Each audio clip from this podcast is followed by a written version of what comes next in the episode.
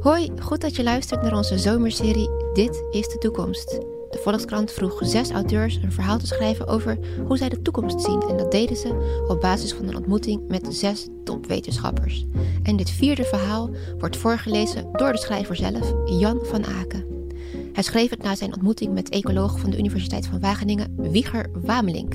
Het is een verhaal dat zich afspeelt in het Amsterdam van de toekomst, waar alles blank blijkt te staan na een grote natuurramp.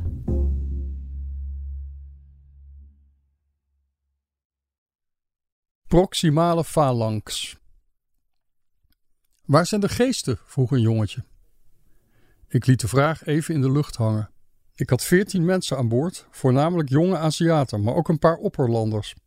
De spannende verhalen bewaarde ik voor later, als ze zich gingen vervelen. We gleden langs twee betonnen pijlers die ooit een weg hadden moeten ondersteunen en nu begroeid waren met kruinen van struikgewas, boompjes en afhangende ranken.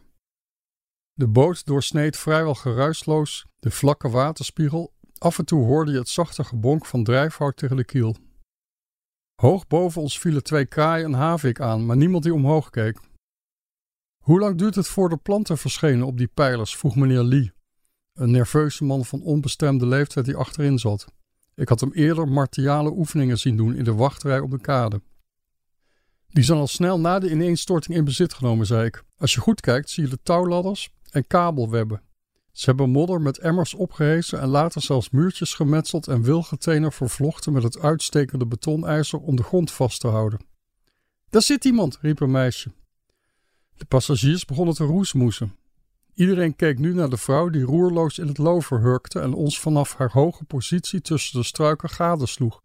Haar oogwit lichtte op in de schaduwen. Is dat er een? vroeg meneer Lee. Ik wachtte om de spanning op te voeren. Niets is erger dan een boottocht met geprivilegieerden en hun ongeïnteresseerde kroost, zeker in een dead zone. Het jongetje dat eerder geen antwoord had gekregen vroeg weer, ditmaal aan zijn vader: Zijn er dan toch geesten? Het zijn niet echt geesten, suste meneer Lee vanuit de achterhoede. De term is ongepast, zei ik, maar inderdaad, deze mensen zijn nergens geregistreerd en dus ook ongechipt. Omdat ze officieel niet bestaan, worden ze geesten genoemd. Ze wonen op pilaren, vlotten, viaducten hoog in verlaten parkeergarages en in de overgebleven gebouwen. Maar wilde zijn het, zei een meisje met manga-ogen op de voorste rij. Haar naam was me meteen weer ontschoten. Hoe denkt u dat ze jullie noemen? vroeg ik haar. Ze rolde met haar ogen. Meneer Lee liet er niet bij zitten. Spreken ze? Hoe noemen ze ons dan? Ik zuchtte. Hun taal is erg veranderd sinds de ramp. Een zinloze mededeling. In het Verre Oosten denken ze toch al dat we in Europa allemaal Engels spreken. Daar werken we zelf aan mee. Ik zelf even goed als deze opperlanders die ook het wilde vloedland wel eens wilden zien. Zo dicht bij hun glanzende, zoemende steden. U hebt de vraag niet beantwoord, oude man, zei een jongen. Zijn wangtattoo, eens een symmetrisch schakelingenpatroon, was door uitdijing vervormd tot het rag van een waanzinnige spin. Of was dat juist de bedoeling? Vreters en in een milde bui drones. Alsof dat niet ongepast is, zei het manga-meisje. Ze leek op de onrealistische seksdolls van weleer. Niemand had behoefte aan verdere uitleg. Twee zwanen, verstoord door onze nadering, maakten een klapwiekende aanloop, verhieven zich en vlogen in de richting van een langgerekt elzenbos. Een school eendjes bleef onverstoorbaar dobberen, al passeerden we rakelings. Ik stelde de zonwering wat donkerder en voerde de snelheid op, zodat de voorplecht omhoog kwam en we een bruisende hekgolf opwierpen. De zon zou de batterijen op peil houden. We passeerden een praam met gereefd zeil waarin een visser naar het water stond te turen. Hij keek niet op, al moest hij even door zijn knieën zakken om de plotselinge deining op te vangen. Wanneer eten we? vroeg Catherine, een opperlandse dame die gezien haar gewicht de hoogste prijs had moeten betalen voor haar kaartje. Ik wees. Bij de oude Zuidas. We eten lokale producten. De passagiers keken elkaar aan en toen weer naar mij. Kan hier dan iets groeien? vroeg Katrien uiteindelijk.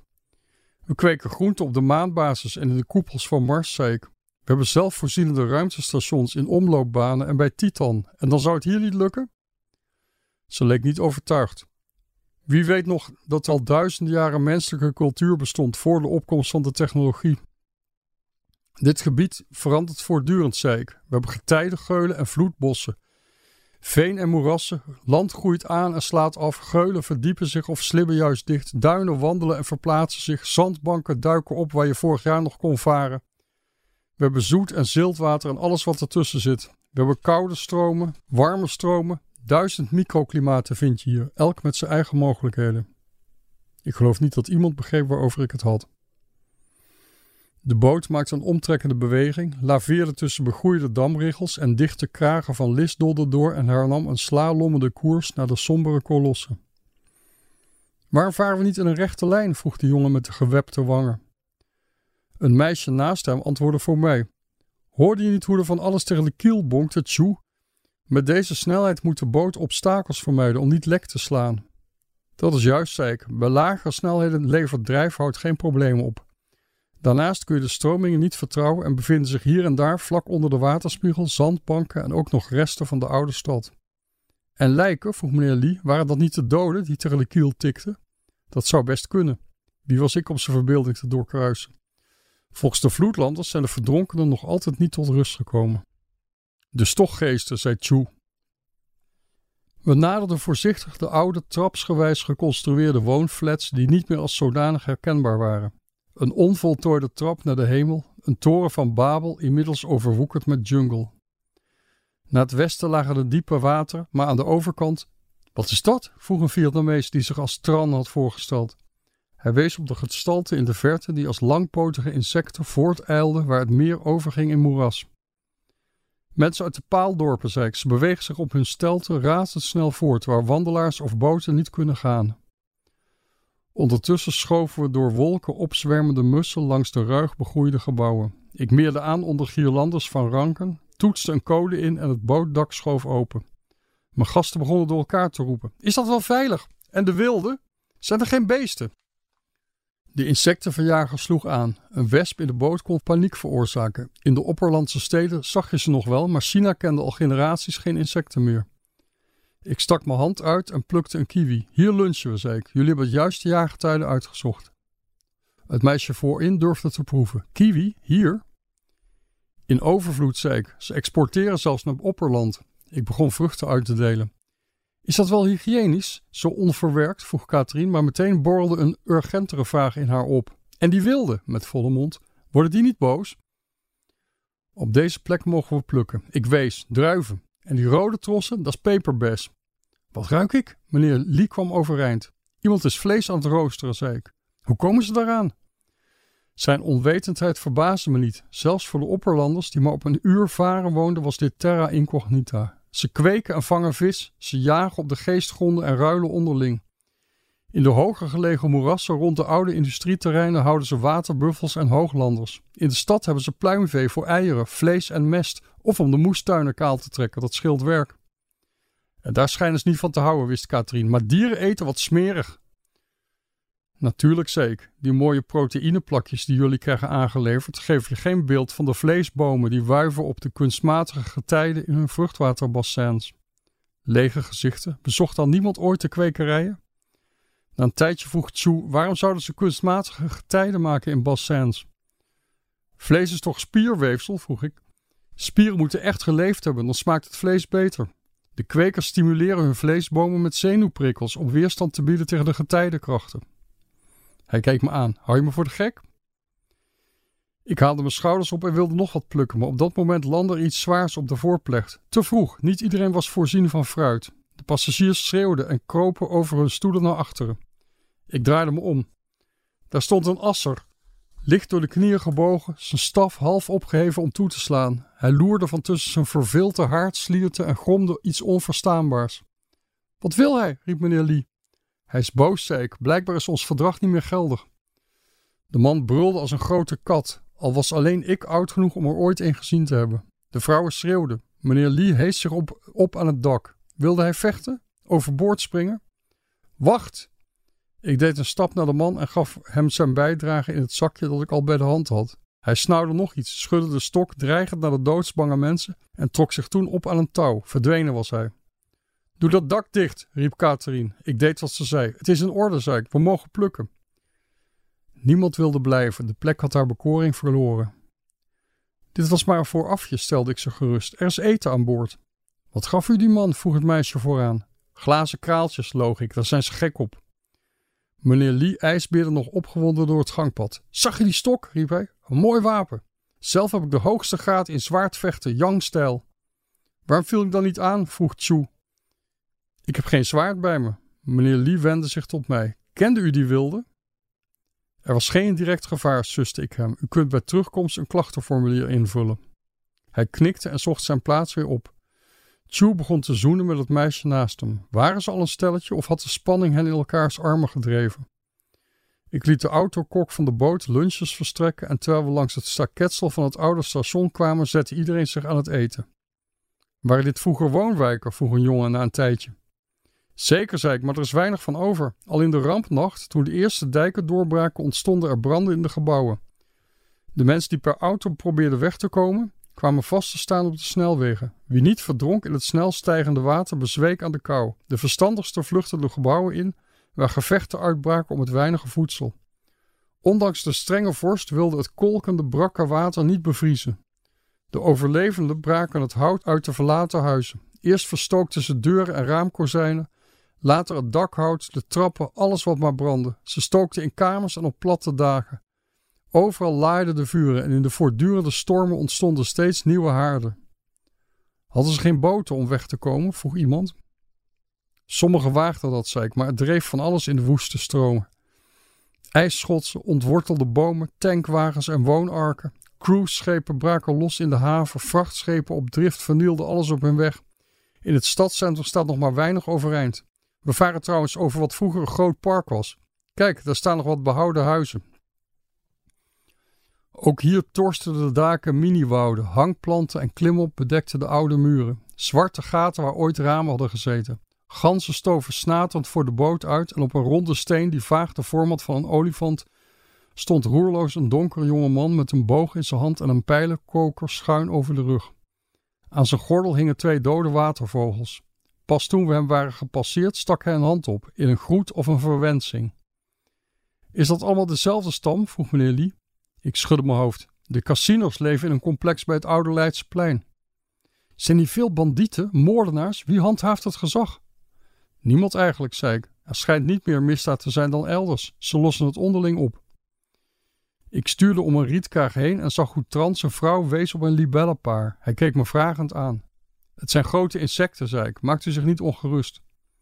Ik koerste recht op de dam af. Dit was het centrale plein van de stad, vertelde ik. Het koninklijk paleis is nog bijna intact. We gleden langzaam langs de bemoste kegel waar nog groezelige resten zichtbaar waren van de beeldengroep. Aan de overkant bij het paleis lagen bootjes schots en scheef tegen meerpalen. Een visser wrikte zijn schuitje over het plein. Ik liet de boot stationair draaien. Die streep op het monument, zei ik. Zo hoog kwam het water destijds. Hoe is dat mogelijk? vroeg een Laotiaan.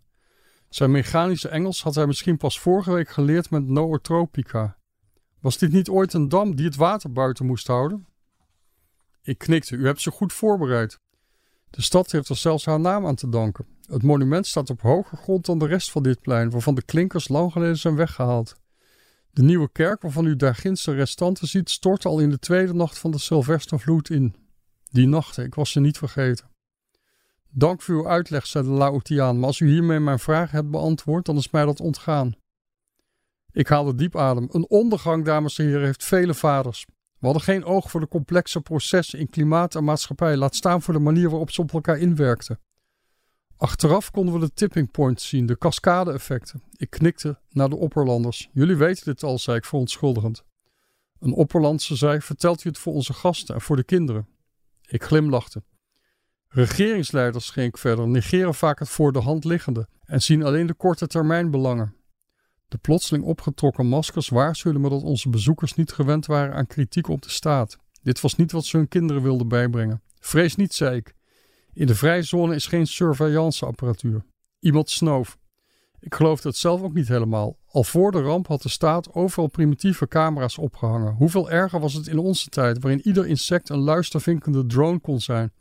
En meer ogen ons in de gaten hielden dan alle goden van alle pantheons bij elkaar. Deze mensen wisten dat zelfs hun kinderen informanten konden zijn.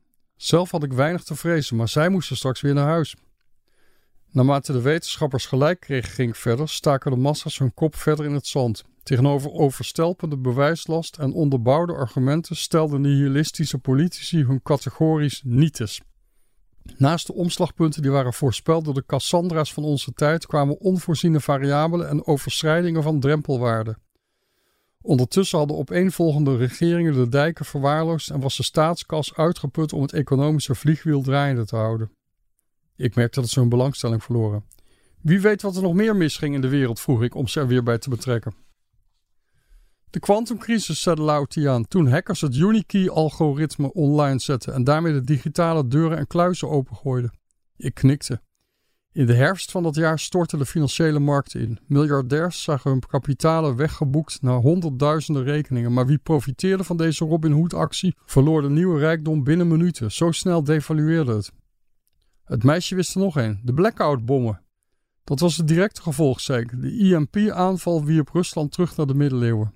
We hebben allemaal onze vermoedens uit welke hoek die kwam. Weer die maskers. China zou het in geen duizend jaar toegeven. Ik lachte. Perfect storm was in die dagen een veelgehoorde term. Al die hele en halve rampen versterkten elkaar tot een superramp. Een clusterfuck, riep Chu. Dat leerde je niet in de nootropische drillprogramma's.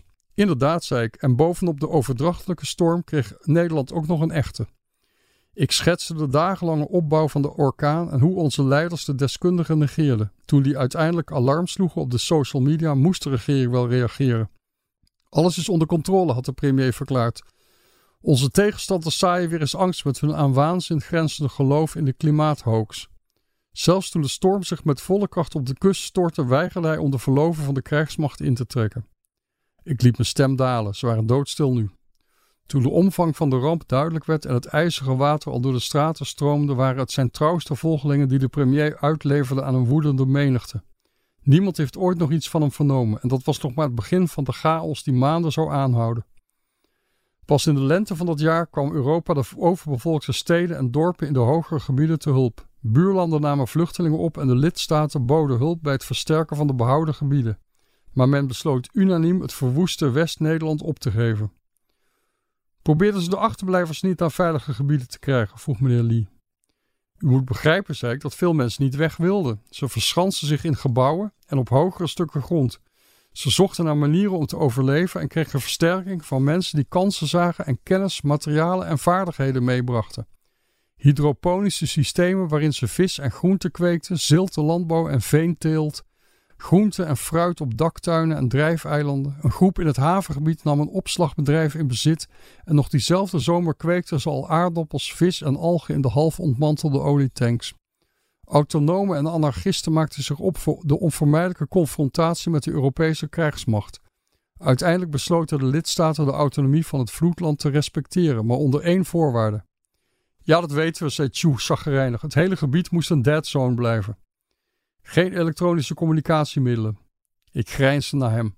Hoe zwaar viel het ze om te leven in deze dataschaduw, al was het maar voor een paar uur. Ze hadden hun apparaten niet eens hoeven inleveren. Vloedland had gewoon geen dekking. De wereld zat niet te wachten op een vrijzone waar desperado's en anonieme vrije toegang hadden tot de internationale netwerken. Ze zullen toch wel een omweggetje hebben, vroeg meneer Lee. Nu was het mijn beurt om een ondoorgrondelijk masker op te zetten. Chu's vriendin had er genoeg van. Kunnen we nu verder? vroeg ze. We willen graag iets zien. Ik was klaar met mijn verhaal. We gaan het paleis bekijken. Ik meerde af bij het bordes waar een paar vloedlanders ons opwachten. Ze hielpen mijn gasten naar binnen en we betraden de burgerzaal die nog altijd haar grootsheid niet had verloren, al waren de drempels opgehoogd en de onderste ramen met metselwerk beschermd tegen het water. Schilderijen, beelden en kroonluchters waren al lang geleden in veiligheid gebracht. Het was er druk. Handelaren marchandeerden en ruilden de koopwaar die in kraampjes of op kleedjes lag uitgestald. De lucht was vol van geuren, maar die van vis overheerste. Welkom in de burgerzaal, zei ik. Hier hoor je tientallen talen, maar iedereen verstaat Engels. Komen hier veel toeristen? vroeg meneer Lee. Zijn stem sloeg even over. Was hij bang? Niet veel. Eigenlijk was ik al jaren de enige. Een paar mensen groetten mij. De vreemdelingen negeerden ze. De jongeren liepen rond, bekeken de waren. Veel handwerk, soms opgeviste curiosa en etenswaren en een overvloed aan vis en zilte groenten, dakgroenten en zomerfruit. Stort dit dan niet in? vroeg meneer Lee, die wat bij mij bleef dralen. Ooit wel, zei ik. Maar rond de oude stad hebben ze met puin primitieve golfbrekers en dijken gebouwd. Het water is hier al jaren stabiel. Hij leek op vragen te broeden. Verliest u nooit mensen? vroeg hij uiteindelijk. Van mijn toeristen? Ik legde een hand op zijn schouder, vermoedde dat hij iets anders wilde vragen, maar Katrien kwam bij ons staan. Kijk dat voedsel toch eens, zei ze. Ach, die arme, arme mensen. We liepen naar een kraampje. Hoe kunnen ze, zei ze. Ik verga van de honger, maar dit is weer zinwekkend. Alles went. Het rook heerlijk. Ik voelde mijn maag rommelen. Wat is dit? vroeg meneer Lee. Saté van rat. Ik nam er een, betaalde met een muntje. Meneer Lee keek er naar vol afschuw. Toen nam hij een beslissing. Ik wil ook, zei hij. Hoeveel is het? Deze krijgt u van het huis, zei het meisje achter de kraam. Ze wist hoe moeilijk het voor moest zijn. Hij was niet de eerste die het wilde proberen. Kijkt u toch uit, zei Katrien. Ik hoor dat ze hier soms zelfs mensenvlees eten. Wat een vreselijke wereld. Het voordeel van rat, zei ik, is dat het eruit ziet als rat. En hier eten ze geen mensenvlees. Wel gaan de doden in een natuurlijk recyclingproces. Ik verzweeg dat dit in de visvijvers gebeurde. Evengoed liep ze kokhalsend van ons weg. Die redden zich wel. Verderop hadden ze biefstukken van waterbuffel met in hut en tut olie gewokte aardpeer en listdodden.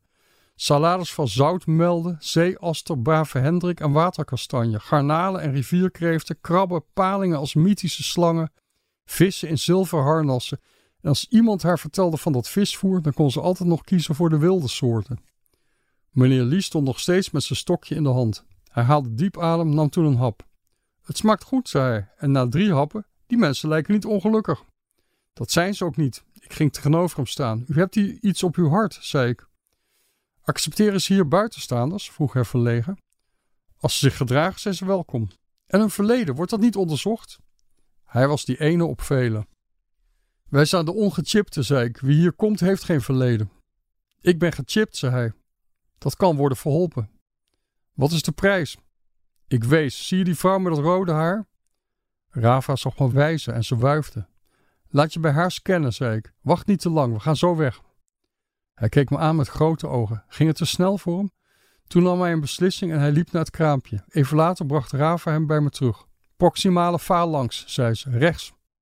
Als ik het niet dacht. Meneer Lee trok zijn creditcard, maar ze weerde hem af. Die geldt hier niet, zei ze lachend. Tot spoedig.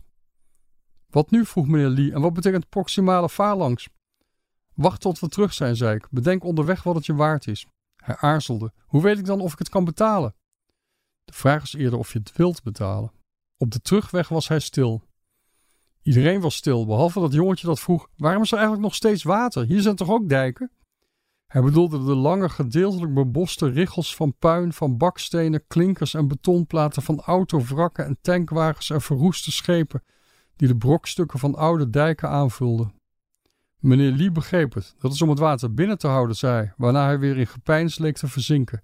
Hij keek zelfs niet op toen er even paniek leek te ontstaan bij de gasten uit het oosten. O god, zei de vrienden van Chu, wat is dat? Het lijkt wel een orkaan. We volgden haar blik naar de wolken in het noorden, die snelle metamorfose doormaakten en vreemde patronen vormden. Het zijn maar vogels, zei ik, en niet eens een grote zwerm. Dan moet je voor een paar weken eens komen kijken. Later leidde ik mijn kudde naar de registratiepoortjes bij de grens. Mijn assistent Kai stond ons al op te wachten en liet ze er één voor één door. De jongeren doken weer in hun online wereld, schuimbekkend van geluk. Sommige gasten bedankten me. Iemand vroeg of ik iets met ze kwam drinken. Ik kan niet verder, zei ik. Ik bedoelde dat ik niet mocht.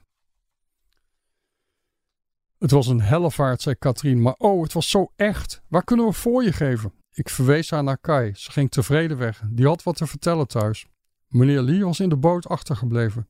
Toen alleen Kai nog over was, zochten we hem samen op. Hij zat nog steeds op zijn plekje. Ik nam tegenover hem plaats.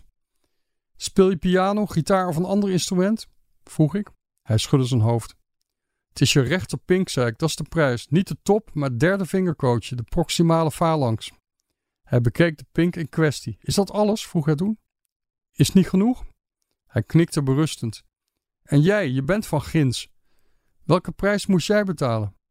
Ik ben een oude man, zei ik. Ik hoefde niet uit het systeem te stappen. Ik heb er nooit in gezeten. Doe het snel dan.